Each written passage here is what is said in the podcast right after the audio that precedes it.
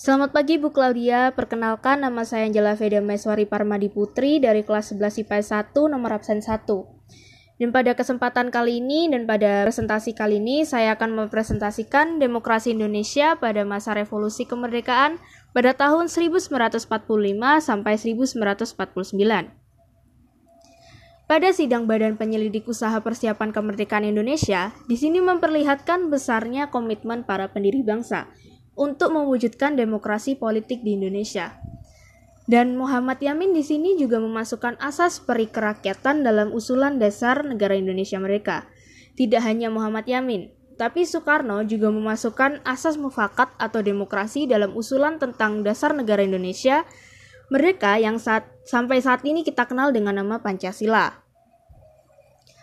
Keyakinan besar para pendiri bangsa ini timbul karena dipengaruhi oleh latar belakang pendidikan dan mereka percaya bahwa latar bahwa demokrasi ini bukan hanya sesuatu yang timbul karena atas dasar komitmen, tapi juga merupakan sesuatu yang perlu untuk sang, untuk diwujudkan. Dan pada masa pemerintahan revolusi kemerdekaan, yakni pada tahun 1945 sampai 1949 ini, Pelaksanaan demokrasi baru terbatas pada berfungsinya pers yang mendukung revolusi kemerdekaan. Sedangkan elemen-elemen lain atau elemen-elemen demokrasi yang lain itu belum sepenuhnya terwujud. Karena ada dua hal, yaitu situasi yang tidak mengizinkan dan kondisi yang belum memungkinkan. Karena pemerintahan harus memusatkan seluruh energinya bersama-sama dengan rakyat, untuk mempertahankan kemerdekaan dan menjaga kedaulatan negara.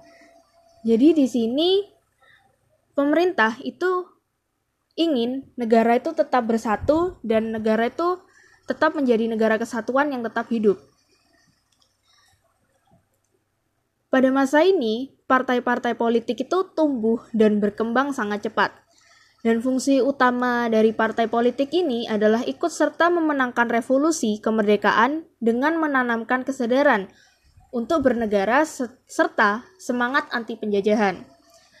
Dan mungkin karena keadaan yang tidak mengizinkan ya, pemilihan umum ini belum dapat dilaksanakan sekalipun itu sudah menjadi agenda salah satu agenda politik yang paling utama.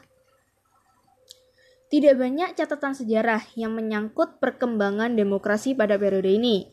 Tetapi pada periode ini telah diletakkan hal-hal mendasar bagi perkembangan demokrasi di Indonesia untuk masa-masa depan dan untuk masa-masa selanjutnya.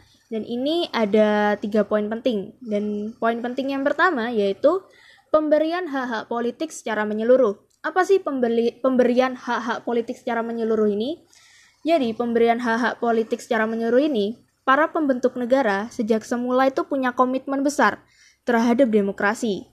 Begitupun juga dengan Indonesia yang menyatakan kemerdekaan dari pemerintah kolonial Belanda. Semua warga negara yang dianggap dewasa punya hak politik yang sama, tanpa dengan adanya diskriminasi ras, agama, suku, dan kedaerahan. Dan poin yang kedua yaitu kekuasaan presiden dibatasi. Apa sih kekuasaan presiden dibatasi? Jadi, kekuasaan presiden dibatasi itu presiden secara konstitusional ada kemungkinan untuk menjadi diktator.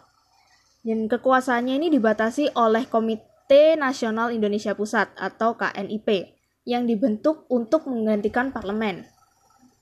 Dan yang terakhir, poin yang ketiga, ada dengan maklumat wakil presiden maka dimungkinkan terbentuk sejumlah partai politik. Apa sih poin yang ketiga ini, jadi pembentukan sejumlah partai politik ini kemudian menjadi letak peletak dasar sistem kepartaian di Indonesia untuk masa-masa depan, untuk masa-masa selanjutnya dalam sejarah kehidupan politik di Indonesia. Sekian presentasi saya hari ini. Terima kasih.